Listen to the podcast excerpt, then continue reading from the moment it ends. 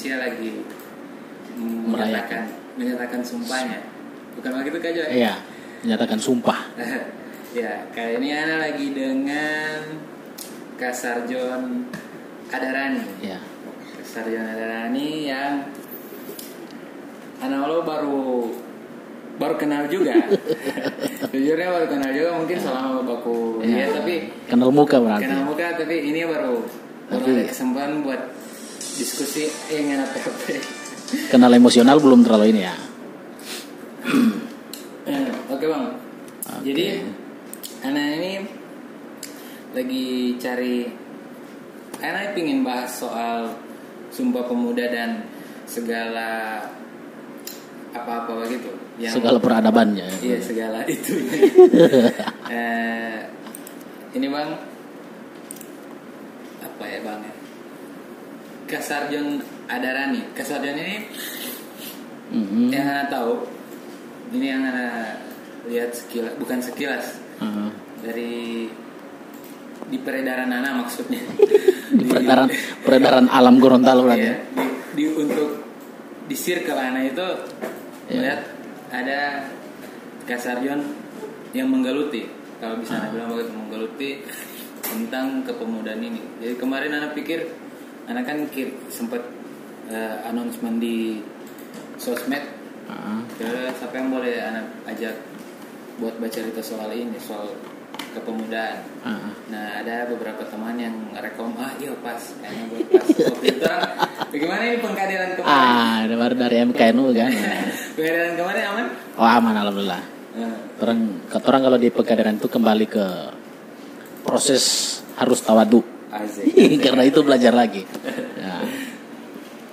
Eh, proses pengkaderan kemarin kan di situ lihat oh kesarin kalau ada. Iya, oh, masuk jadi kader ulang ente. Iya. aneh. Jadi setinggi tingginya, sehebat hebatnya atau bagaimana tetap harus kembali ke ke awal, kembali ke dunia madrasah, kembali tetap belajar. Karena di hadis itu sudah jelaskan. Bukan hadis propaganda Cina, tuntutlah ilmu sampai ke negeri Cina, bukan, bukan itu. Hmm. Itu hadis propaganda Cina sebenarnya. Nanti off record itu, ah. eh, jadi tuntutlah ilmu hingga ke liang lahat itu, itu, itu yang sebenarnya itu. itu. Hmm. Hmm. Kalau ini bang, ya, Hmm. bisa mulai dari background pendidikan abang itu ya seperti biasa lah ya, misalnya Ah, SD, SMP. SD. Tapi kalau bisa di flashback, eh, ini akan nyangkut soal ada poin yang Ana bikin itu start Hmm. journey sarjon. Iya.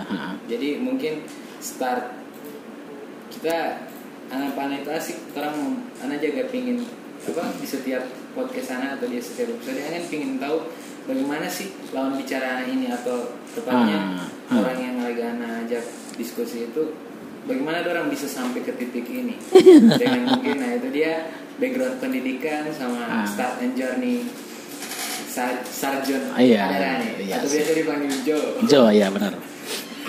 Jadi kalau saya itu saya sekolah itu di kampung, tapi tidak kampungan. Hmm. Sebenarnya orang sini, orang Batu Daa, dilahirkan di Batu Daa, kemudian eh, CB dan Ajus itu melakukan ekspansi. ekspansi Dorang mbak eksodus ke kampung, tepatnya di Boliohuto, di desa Pilomonu di kecamatan. Itu salah satu desa itu sering anak kasih nama, sering saya kasih nama ini eh, apa DP nama? Ujung Aspal, karena memang ujung ujung Ujung utara di di Motilango di Kabupaten Gorontalo. Iya, iya. Nah, hanya di sana mengenyam sekolah pendidikan dasar, kemudian eh, pendidikan dasar setelah itu langsung sekolah SMP, sekolah pembuka. Jadi sekolah kasihan sekolah pertama sekali. Karena anak pun jadi ketua OSIS pertama sekali di sekolah itu, jadi bersejarah.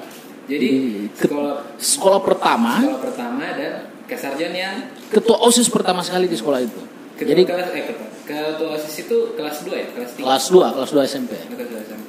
Karena anak angkatan angkatan kedua, tapi waktu orang senior kemarin orang tidak membentuk organisasi itu.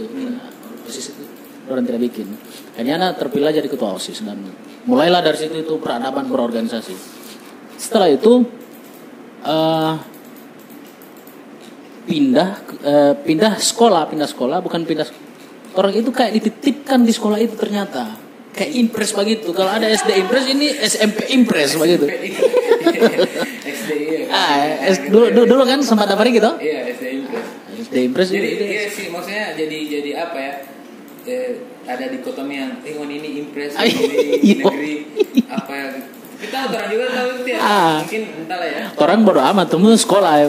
orang data akhirnya nanti so SMA sadar kamar oh sekolah ternyata sekolah impres itu sekolah sekolah apa ya pembuangan ke apa ya? tapi tidaklah banyak orang sukses dari sekolah-sekolah impres kayak gitu nah akhirnya pindah di sekolah SMP 1 Bolioto tepatnya di lokasinya orang-orang Jawa di Sidomulyo Si Domoe di di Bolihuto Paguyaman. Paguyaman sana. enggak apa ini menghilangkan ini nanti Paguyaman itu wilayah Bualemo kalau Bolihuto Dulu-. Paguyaman tapi sekarang sudah berubah nama kan iya iya. Nah, Boliohuto, mau Tilango, kemudian Kecamatan Tolanguhula, Kecamatan Asparaga dan Bilato itu itu wilayah Kabupaten Gorontalo, wilayah hukum Kabupaten Gorontalo.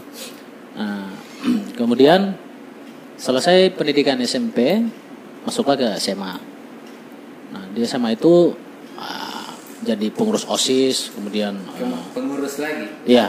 Tidak jadi apa? Jadi jadi ketua PAW. oh, Jadi- ada, ada istilah PAW zaman dulu. Iya, jadi memang orang anak-anak ganti dia berketua karena berketua waktu itu tidak tidak terlalu aktif. Akhirnya oleh pembina OSIS dilakukanlah rapat begitu. Eh, dulu dulu belum kenal namanya pleno atau apa atau Oh, iya iya. kudeta masih jauh dari kata-kata begitu dulu. Nah, nah, waktu itu teman-teman kasarnya lalu buat apa ya? Jadi terang, eh terang mbak pleno atau terang bagaimana? Eh, bukan anak yang ajak tapi atas arahan eh, eh, pembina OSIS. Pembina osis. Nah, Emang dikatakan pembina OSIS sudah yang paling aktif cuma Teh Sarjon ya sudah Sarjon saja. Iya. Nah, pembina OSIS juga agak sangar jadi mau tidak mau peserta pengurus OSIS ini harus mau. Oke Nah, oke. saya- Kemudian di situlah di SMA itu mulai aktif di beberapa organisasi termasuk Pramuka, PMR. Tetapi yang benar-benar digeluti itu Pramuka. Jadi ketua Dewan Amalannya, ketua Pramuka di SMA 1 Mulyo. Boleh betul. ya. Nah, pokoknya masih SMA itu so berkecimpung di dunia organisasi. Lalu akhirnya ada pengurus Pramuka di tingkat kecamatan. Nah, ada jadi ketua lagi di situ di tingkat kecamatan. Jadi memang ada mulai dari bawah ini. Jadi Rian ini karir ketua ini dari dari sekolah dari SMP memang suka SMP. kalau ada itu SD ada DP ketua osis anak so jadi DP ketua osis kalau SD itu ada DP osis nah anak so jadi ketua osis di SD karena memang selalu itu selalu mengambil peran selalu mengambil peran akhirnya selesai kemudian SMA masuk kuliah masuklah di Universitas Negeri Gorontalo Ah, oke. Di situ mulai apa ya? Ini kan Ah. bisa dibilang transisi dari remaja ke dewasa juga. ya langsung Itu ambil jurusan apa kemarin? Ah, ini jurusan juga ini sebenarnya mesti mahal ini. Dulu itu eh, pas orang P masuk itu masih ikip atau? enggak so UNG. Tahun 2008 itu angkatan pertama sekali dibukanya jurusan ilmu hukum di UNG. Ya. Nah, akhirnya Oh, anak iya FIS, di FIS di Siap, Fakultas. Ilmu Sosial. Ah, ada beberapa teman, orang so sepakat bahwa orang ini mau kuliah di hukum begitu. Teman-teman Nah. SMA lalu ini yang di Boli Hukum. Enggak, eh, teman, iya, tapi so, pas so ujian ini, orang tahu orang ini dihukum. Akhirnya tiba-tiba so semester 3, ini jarang di publish ini ya. So semester 3, tiba-tiba, iya, iya, oke. tiba-tiba orang ini ternyata eh, mahasiswa PPKN IHK. Aduh.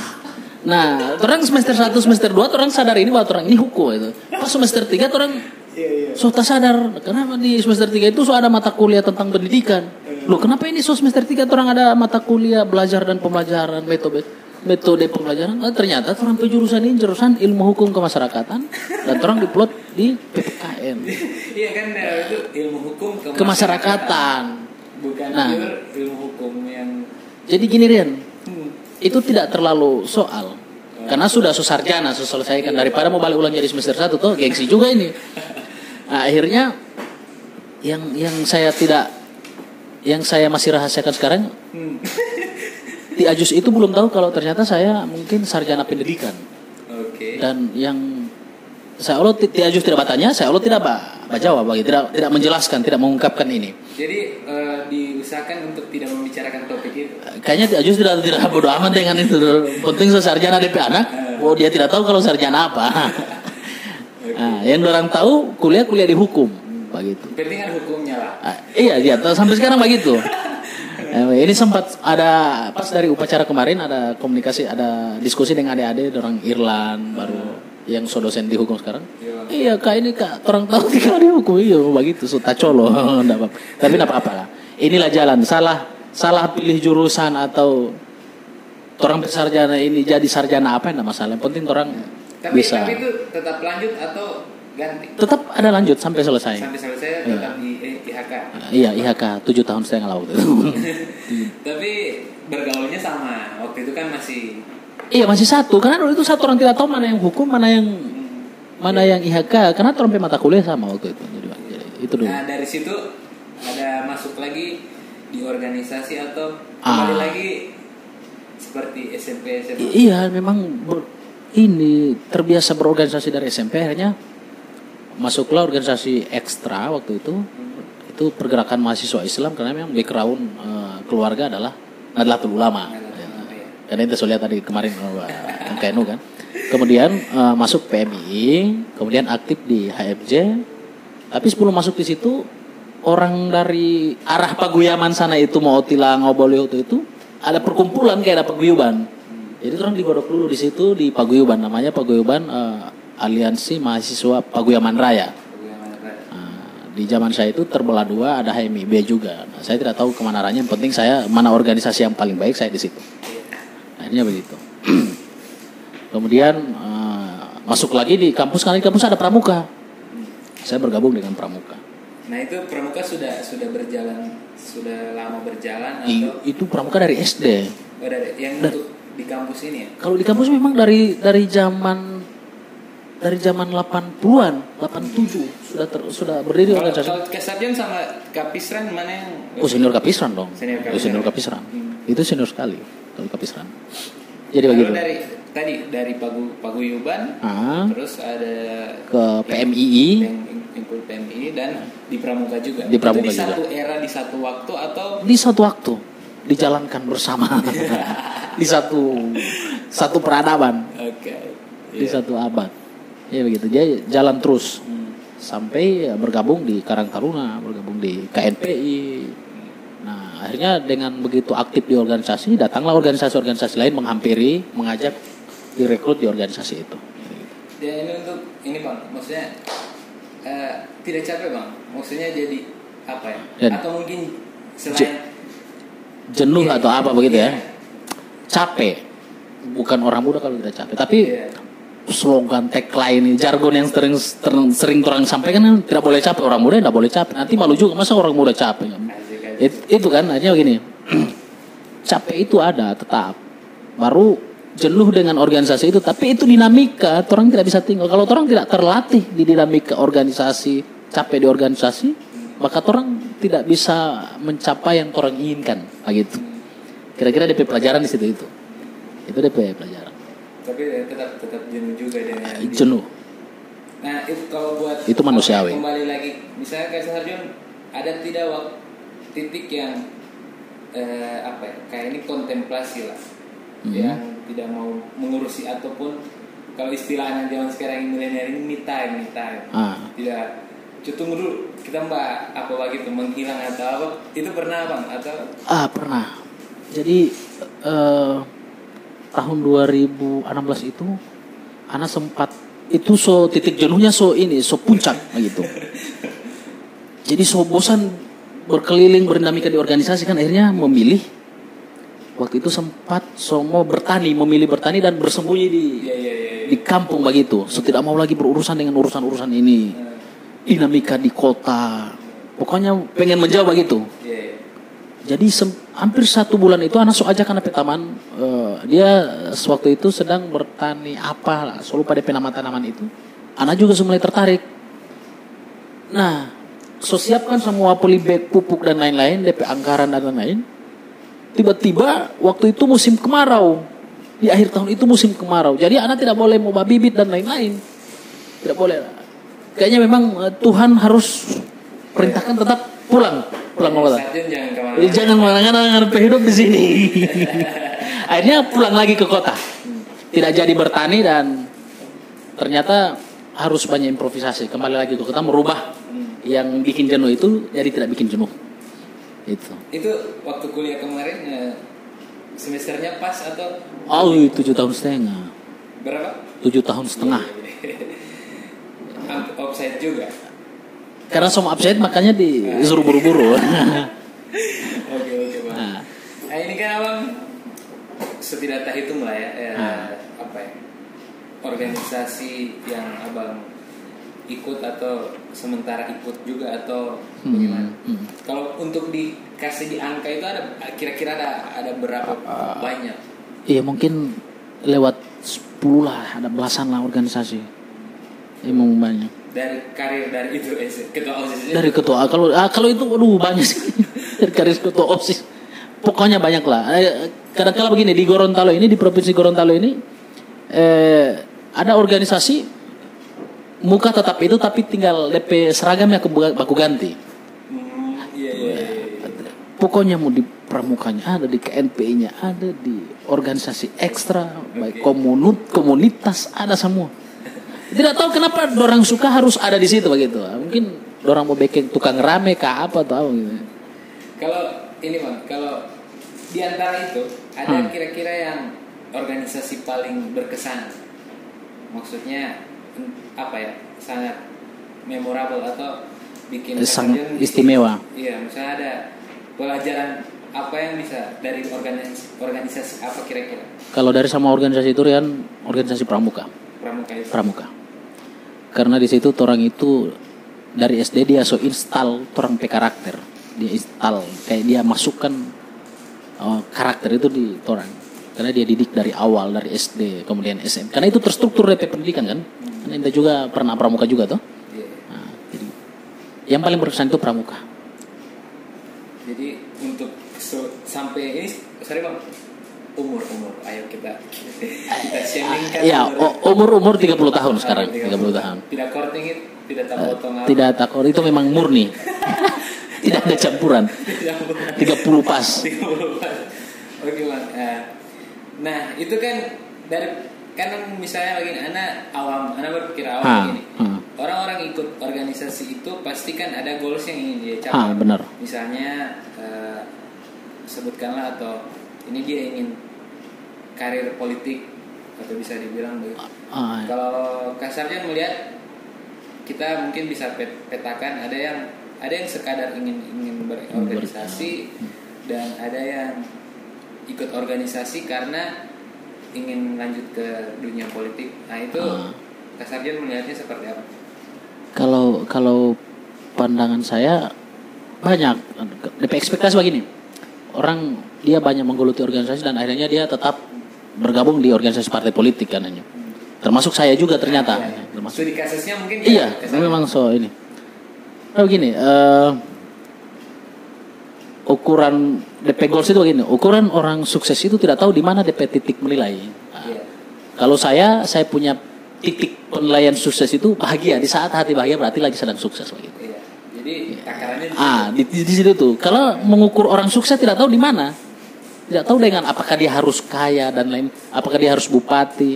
Nah, kemudian kalau orang mengukur dirinya ketika bergabung di partai politik kemudian dia menjadi anggota DPR, menurut saya bukan itu. Saya pun politisi kan akhirnya bergabung di partai politik. Ah, tapi itu, itu sebenarnya nanti oh, tapi Ah. dijawab. Ah, eh, tidak tahu bagaimana DP ukuran begitu. Iya.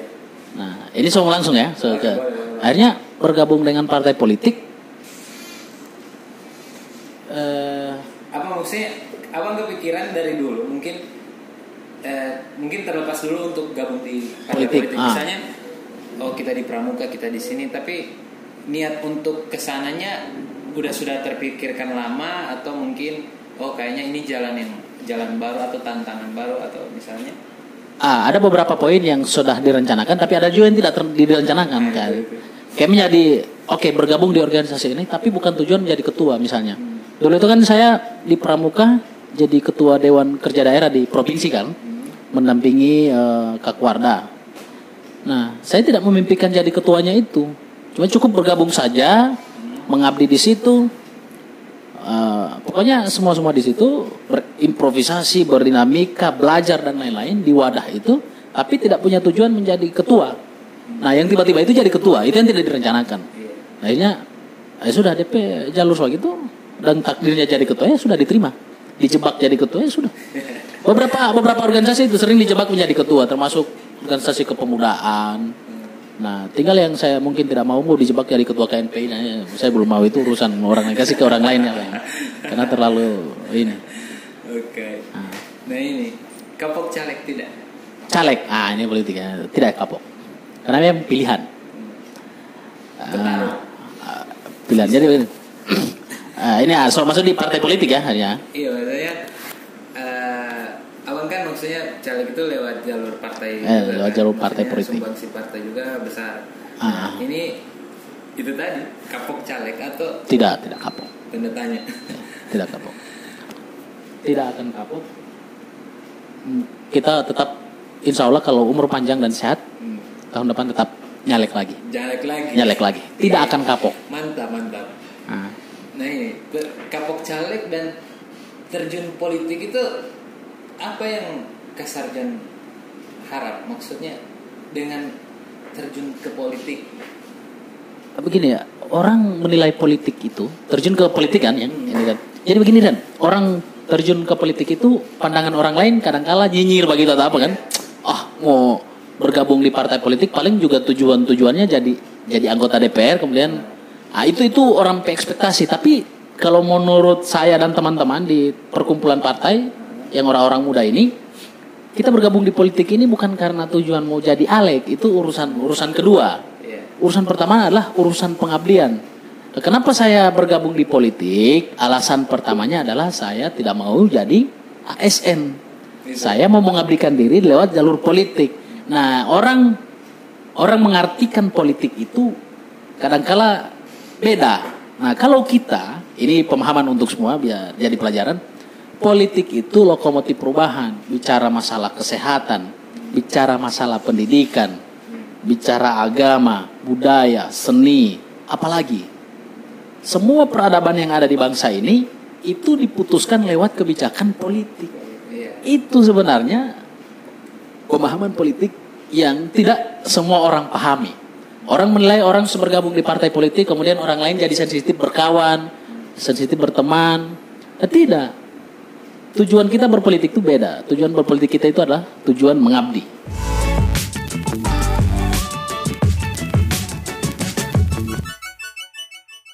Nah, kita tidak mau mengabdi lewat birokrat atau ASN aparatur sipil negara, kita mau mengabdi lewat jalur politik atau bergabung di partai politik. Itu. bisa dibilang seperti itu alasan-alasan alasan yang eh, apa ya yang muncul atau yang terjadi ketika Kasarjun mengambil jalur ini Di jalur itu. Hah. Iya. kembali lagi tidak tidak kapok untuk Tidak, cari. tidak kapok, tidak kapok. Tetap Selama maksudnya insya Allah umur panjang umur dan panjang, sehat, tetap siapa tahu gagasan ke depan mungkin lebih ah, ya, mungkin dia gimana ya, juga tidak bisa ya kita kan cuman menerka-nerka juga ya. iya. Penting bertarung terus oke bang eh, ini tadi Ana contekan sebenarnya Ana tetap oh harus riset juga sebenarnya Sarjon itu orangnya seperti apa dan seperti apa Hmm. dan Ana lihat eh, Ana notice di bio Instagram itu Ah.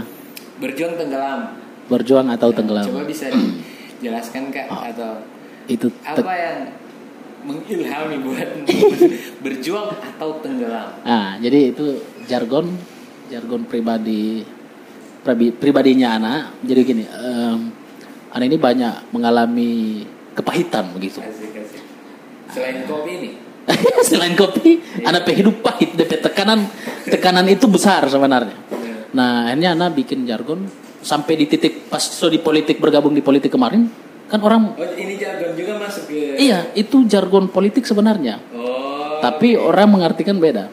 Nah, orang mau jadi caleg itu harus punya uang dan lain-lain. Banyak yang saya nyinyir. Banyak Sarjon, ente ngapain di partai? Nggak ada uang. bik- adalah bikinlah itu jargon itu, berjuang atau tenggelam. Nah, berjuang itu orang memperjuangkan orang hidup. Nah, Ketika orang mampu memperjuangkan orang hidup, maka orang lain bisa orang perjuangkan lewat orang perjuangan. Kalau orang sampai sukses. Sekali tiga uang bisa gitu. Iya, itu DP. Nah, pilihan pilihannya itu berjuang atau, Atau tenggelam. tenggelam. Kalau orang tidak berjuang, maka orang akan tenggelam. Iya. Ditolan, di- ditelan, ditolan, ditelan oleh arus peradaban. Jadi itu so mendarah daging ini. Eh, iya, jadi memang ini. iya. Kalau orang tidak berjuang ini di hidup ini ya, maka orang jadi orang yang di belakang. Jadi gini, Ren, eh, kita flashback lagi ya. Kenapa ini berjuang atau tenggelam ini? Anak ini sekolah dari SMP itu TCB semua mengalami kebangkrutan. Oke. Jadi TCB ini bangkrut dan yang yang senang sekolah-sekolah sebelumnya itu anak PKK kakak orang ketika ke sekolah masih diberi uang sepuluh ribu dua ribu. Nah kalau anak ini tidak, Nah, jadi itu di Pase TCB sementara mengalami krismon. 98. Ini aib keluarga kan sebenarnya, tapi enggak. Iya, Nah, akhirnya eh. akhirnya anak mau mulai anak hidup dengan mandiri. itu itu memaksa sarjan waktu itu Iya, buat survive. Survive, bertahan hidup. Jadi bukan cuma di hutan ini bertahan hidup. Iya. Sedang di kota anak mampu apalagi di hutan. Ah, sedang di hutan mampu apalagi di kota begitu. Nah, jadi begitu. Jadi itu jargon itu lahir dari situ. Jadi dari alur perjuangan. Nah, akhirnya anak bikin itu, kalau anak tidak berjuang maka anak akan tenggelam. Lahirlah jargon itu, berjuang atau tenggelam. Hmm. Eh, kalau bicara soal misalnya soal CB tadi, Hmm. kira-kira figur figur selain CB maksudnya selain orang tua Hmm. yang apa ya bisa men-trigger kesarjan itu kira-kira siapa atau figur Oh. selain maksudnya kalau bilang orang tua ya lah Ah, orang tua. semua punya Tokoh punya utama. makna Hmm. sendiri orang tua tapi selain orang tua yang sampai apa ya bisa dibilang kasarjon mau melakukan apa begitu kira-kira ada kira-kira Ada selain selain TCB begitu Iya, ya. selain Seba atau selain Tiajus Di, di sekitar, bisa aja deh di sekitar itu banyak, termasuk guru, orang yang motivasi, banyak sekali. Nah, tapi memang mulai dari diri, diri sendiri. Apalagi banyak sekali anak ya, guru-guru itu yang memang benar-benar orang itu memotivasi anak. Ah, itulah DP jalur. Coba memang yang paling utama adalah TCB dengan DP kekalahan waktu itu, anak harus Jadi memang TCB itu mengalami kekalahan, nah, tapi alhamdulillah sampai saat ini TCB tetap bahagia dengan Tiajus. tapi waktu itu ada kira-kira kata-kata atau yang CBP apa ya waktu itu kan bisa Di CBP kata-kata pamungkas itu adalah jangan takut melakukan kesalahan. Dan jangan takut. Jangan takut pada siapa pun kecuali pada Allah. Itu TCBP kata-kata pamungkas. Baru yang kedua, eh, eh, TCB kan orang Gorontalo. Ada kata-kata bahasa Gorontalo yang selalu terngiang. nah itu, itu, eh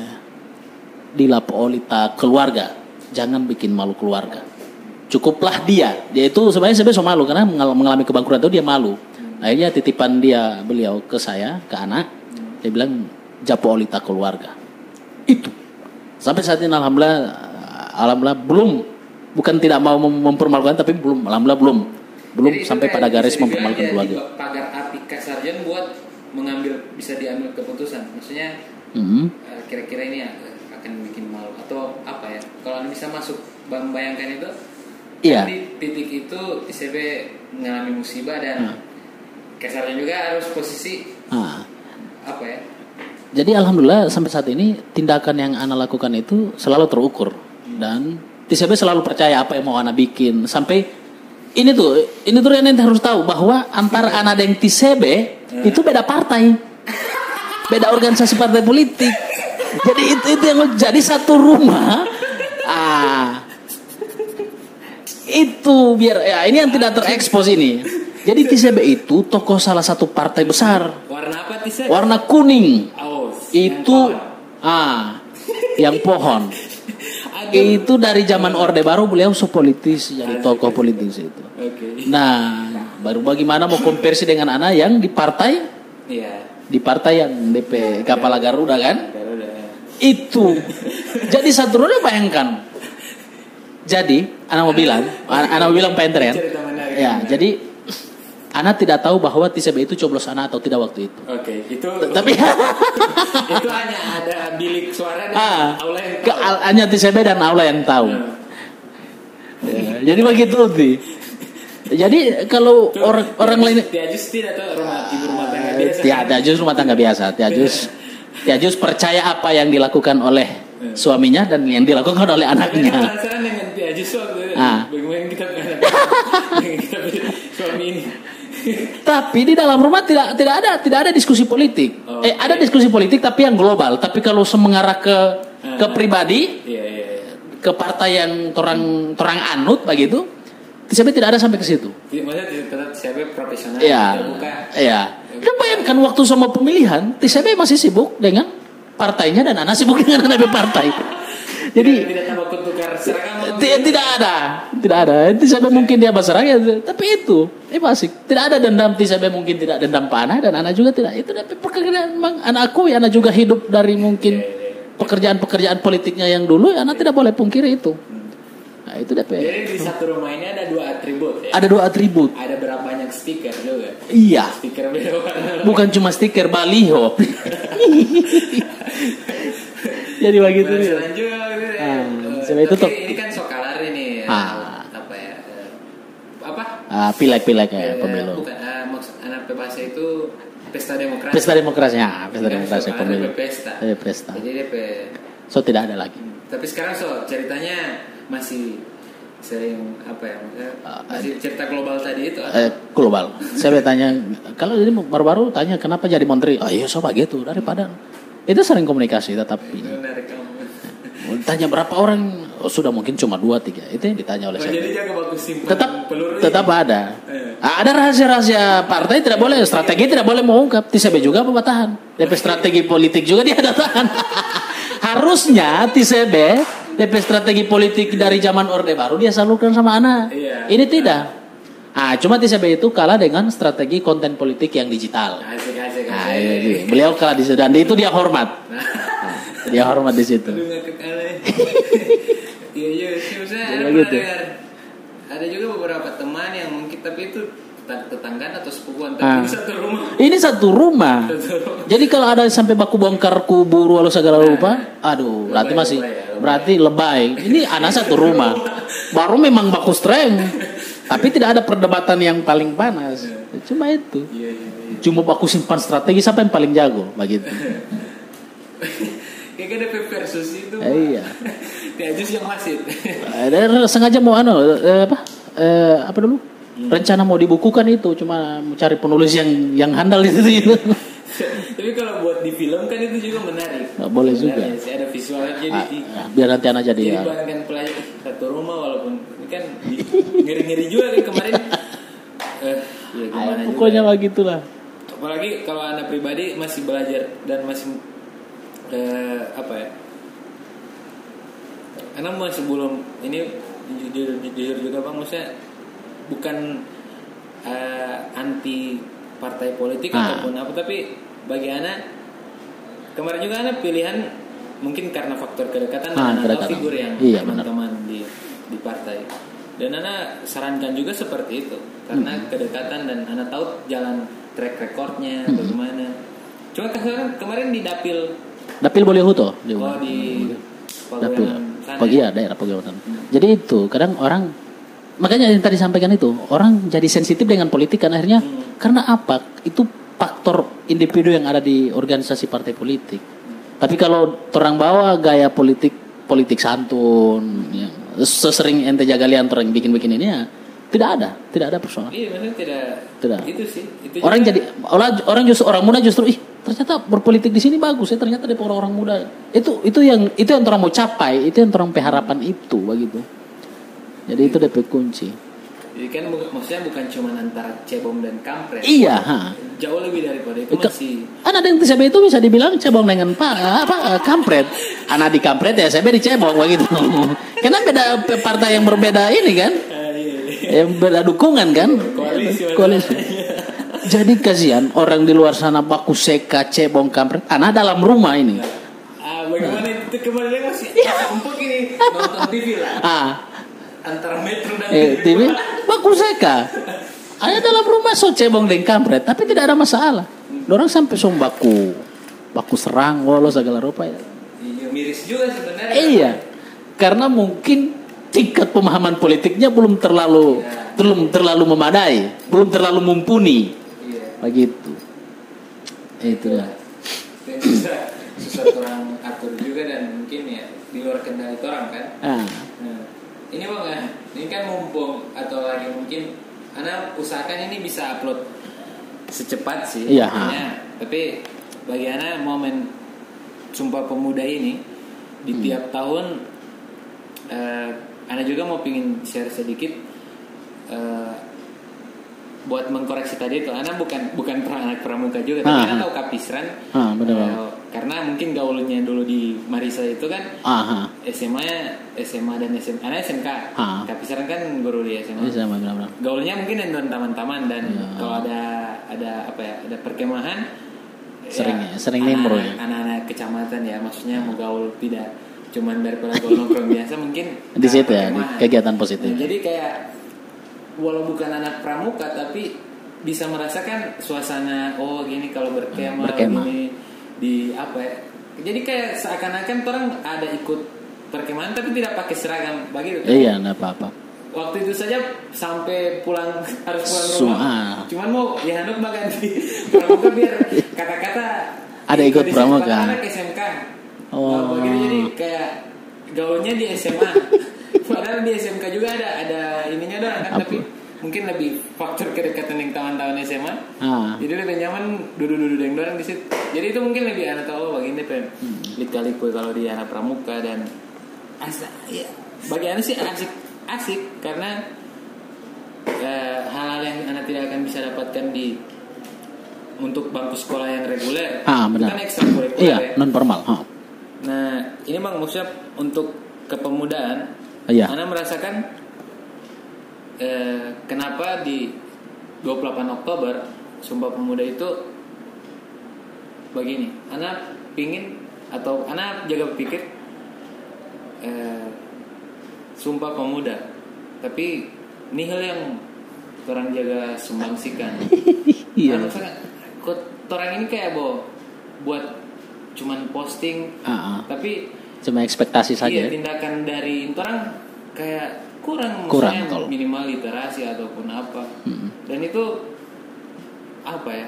Yang kayak perayaan-perayaan begini anak pikir cara apa yang bisa bisa apa ya maksudnya mbak? Anak yang pingin cari Kadang cuma seremoni, tapi tidak ada yang beda begitu, tidak ada yang baru, tidak ada yang terbarukan. Jadi jadi halusinasi pak Ana jadi Mendongkol kan akhirnya. Iya. Kok begini tiap tahun ya kan? nah itu kalau ke sarjan apalagi sudah dari SM, SMP Iya. yang Sama Rian, Eh, mungkin NTP kedongkolan itu baru 70%, anak sudah 100.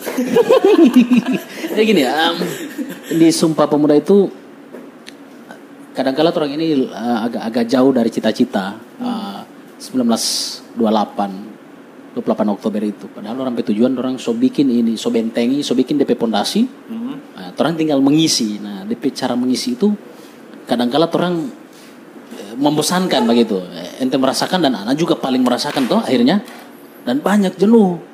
Jadi akhirnya orang-orang muda di Indonesia jadi apatis toh. Jadi ah bodo amat mau sumpah pemuda ke mau apa ke. Itu juga cuma bagian-bagian juga. Ah gini. Ini tuh di Sumpah Pemuda ke-91 ini 2020 sampai 2040 itu adalah periode periode periode produktif bagi orang-orang muda. Atau eh, bisa dibilang ini adalah kesempatan jendela kesempatan the window of opportunity. Eh, adalah jendela kesempatan bagi orang-orang muda. Tapi ada anomali Rian. Kadang kalau gini kenapa orang muda itu masuk golongan apatis golongan orang-orang pelupa karena kadangkala orang muda itu tidak dihargai dia punya perjuangan dan tidak dihargai dia punya kecerdasan oleh negara bisa jadi, pemerintah bisa jadi, karena ternyata ini bangsa-bangsa muda. Iya. Itu yang terjadi. Nah, tahun 2018 kemarin Bapenas pusat sudah meluncing indeks pembangunan pemuda. Nah, di indeks pembangunan pemuda itu di lima poin itu ada beberapa poin. Satu, eh, pendidikan orang muda harus dijamin. Yang kedua, kepemimpinan dan partisipasi orang muda harus dijamin.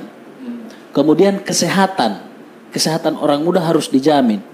Baru yang keempat, lapangan pekerjaan bagi orang-orang muda harus dijamin. Kemudian yang kelima adalah diskriminasi-diskriminasi ras dan gender itu yang Hmm. jangan sampai ada diskriminasi di kalangan orang-orang muda lagi begitu atau ada diskriminasi tentang gender. Nah, ini tuh pemerintah melanceng ini dan sudah harus didistribusi dan benar-benar dilaksanakan. Nah, di dua kita lihat 2020 terus mau lihat 2020 sampai ke depan ini apakah dilaksanakan oleh pemerintah atau tidak? Ya terus mau lihat. Apakah orang juga masuk kembali ke golongan orang-orang pelupa atau tidak atau jadi hedon atau jadi apatis? Orang mau lihat DP DP ending. Hmm. Nah, sebenarnya orang mau pengen berbuat banyak. Banyak sekali kreativitas, banyak sekali eh, apa karya yang mau orang persembahkan. Hmm. Cuma kadang tidak dihargai begitu. Contoh, ada salah satu itu yang baru orang tinggal kemari. ya. Dia bikin Blood ID, apa founder Peko. Ah, Eko. Baru ternyata ada saingan kan? Hmm. Ah, menurut menurut anak Teh Eko itu dia tidak sedang kecewa, cuma menyayangkan aja kok bisa ini kan ada. Kalau boleh integrasi atau kolaborasi saja ini kan enak. Itu DP anomali itu yang saya sampaikan itu. Ada anomali, ada sebuah ada sebuah sebuah yang tidak pasti begitu. Nah, ada ada ada pandangan ini bang, maksudnya ada kalimat paragraf atau mungkin yang anda pikir ini, Hmm. misalnya Kenapa? Maksudnya di instansi pemerintahan ini, ini -hmm. bukan karena TCB juga di instansi. Iya di instansi. Ya. Maksudnya, karena melihat eh, uh, TCB dan generasi TCB itu uh, mayoritas lah. karena bisa bilang dia sepengalaman anak. Eh, TCB kelahiran tahun berapa? Ya. Uh, tahun 20 tahun beda 20. Kalau dia eh, seribu uh, 1900 46 ke 64 berarti generasi baby boomers. Ya. Oh, baby, apa? Ah, baby boomers. Baby boomers. Ah, iya. Kalau enggak berarti masuk gen X. Kalau habis ah. selesai X baru Y kan? Iya. Jadi karena itu melihatnya kalau ini kan apalagi soal istilah milenial. Ah, gen, gen Y. Sumpah pemuda dan jangan jangan bilang lagi mau ada sumpah milenial. cukup. Cukup satu ada sumpah pemuda yang itu cukup Cukup, cukup, saya. cukup, jangan sampai ada tambah kita sumpah milenial. Sumpah pemuda milenial ya. itu maksudnya eh, di instansi pemerintahan ataupun mungkin di beberapa di kalau di swasta yang anda rasakan misalnya Hmm. anda sebagai kreator yang mencoba mem, apa ya mempitching anda pe karya atau Karya. proposal, dan itu orang akan menilai anda sebagai Profesional. iya maksudnya di, dihargai secara oh iya kamu begini lagi Hmm. tapi kalau yang kebalikannya di instansi entah ya maksudnya Ah, eh, oh ya duduk dulu lah. Ah. Pak, tapi entahlah ya, mungkin ini budaya birokrat yang seperti itu menganggap orang-orang oh mahasiswa Eh, itu lagi ada label oh mama kenapa ya maksudnya tapi kalau di lain mungkin itu, itu jadi jadi pikiran anak sih tapi mungkin ya mungkin ah, Iya. atau mungkin kesarnya ada sama orang pe rasa itu sama. Kalau di swasta itu orang dihargai secara profesional. Tapi kenapa di apa ya agak-agak inilah. Tapi emang anak tadi sudah bicara di radio, anak harus protes keras-keras ini. Hmm. Kenapa orang-orang muda itu masuk golongan orang-orang pelupa, apatis dan tidak mau berbuat, tidak mau membuat karya? Karena kadangkala tidak dihargai dari perjuangan dan karya-karyanya itu. Itu deh kunci sebenarnya. Biar orang tahu nggak apa-apa. Ya, nanti diskusi banyak tuh nggak apa-apa. iya maksudnya bisa bisa Ah. membuat ya, ruang diskusi Iya. dan lebih Kalau orang ajak diskusi kan lebih bagus juga.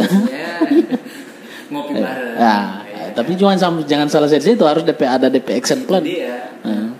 Nah, kalau misalnya dengan kasarnya kan sudah lama sekali sudah bisa expert lah di untuk berkecimpung di organisasi. Ha-ha. Eh, apa ya? Kalau bilang jenuh juga tadi sudah. Hmm.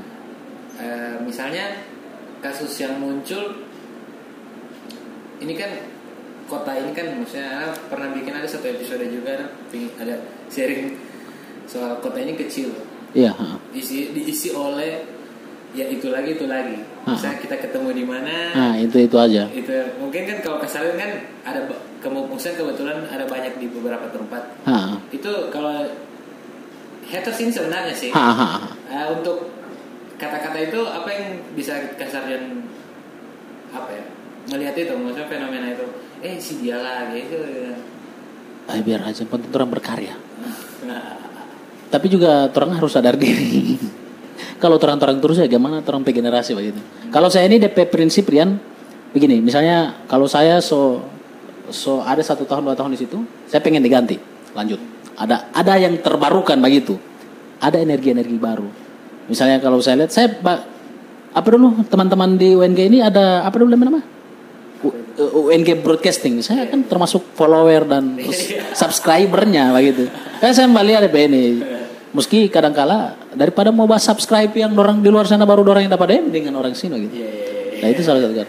Nah kalau saya begini dan berkarya saja tidak usah lihat orang lain. Usah, terserah kalau orang mau. jadi kader saja Iya. ikatan saja ada lihat tuh maksudnya semangat sekali di video Iya, Orang apa? waktu di Iya. Pokoknya itulah ada yang, nanti ada yang ada yang tahu itu pokoknya Iya. Ber- berkarya saja, enggak apa-apa. Baru kadang orang bilang begitu kan, oh dia dia dia lagi begitu. Eh, terserah baru daripada ngana tidak mau, ya lebih kita begitu. Eh, coba emang tuh. perubahan itu ya Iya. Coba emang eh, wariskan yang terbaik bagi generasi. Ana like sekali teman-teman di ilmu komunikasi ini karena sering ana lihat kan di setiap momen itu ana luar biasa dia punya. Karena dulu ana tidak mengalami itu, ana tidak lihat di UNG ada begitu. Nanti baru sekarang ah dan luar biasa ya ternyata. Karena bisa jadi yang ana jaga lihat begitu itu baru di kampus-kampus di Jakarta, di UI, di UGM. Ih, oh kemarin baru studi banding juga ini Enggak, waktu dulu kamari, dulu kamari waktu musik kuliah kamari ya, tidak sering ana lihat. Dan alhamdulillah di UNG berarti UNG Nah, sudah ini, baik. ini, ini seru juga. Kalau dulu waktu zaman-zaman kesarjan lalu berkreativitas di kampus, Hmm. itu apa yang paling apa ya?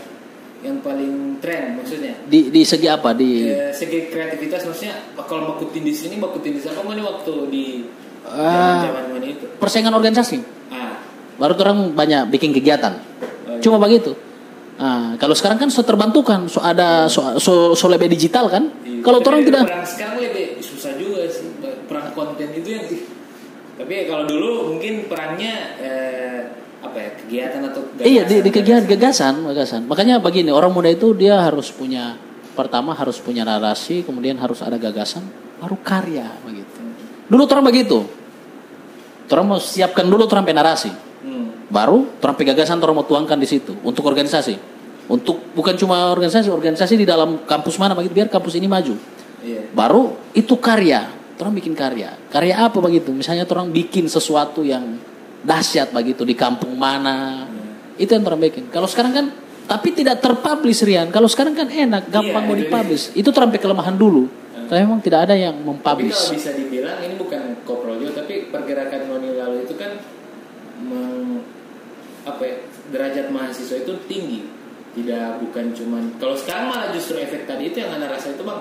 Oh iya benar ya. di- oh ini masuk cuma ya gitu maksudnya jadi anak kayak maksudnya hampir sama kejadian malah justru Anies selalu lalu sempat bilang ke TCB juga sih tapi kalau TCB kan mungkin dia lihat Hmm. anaknya seperti ini juga jadi ada saling Ah, i- itu DP ini.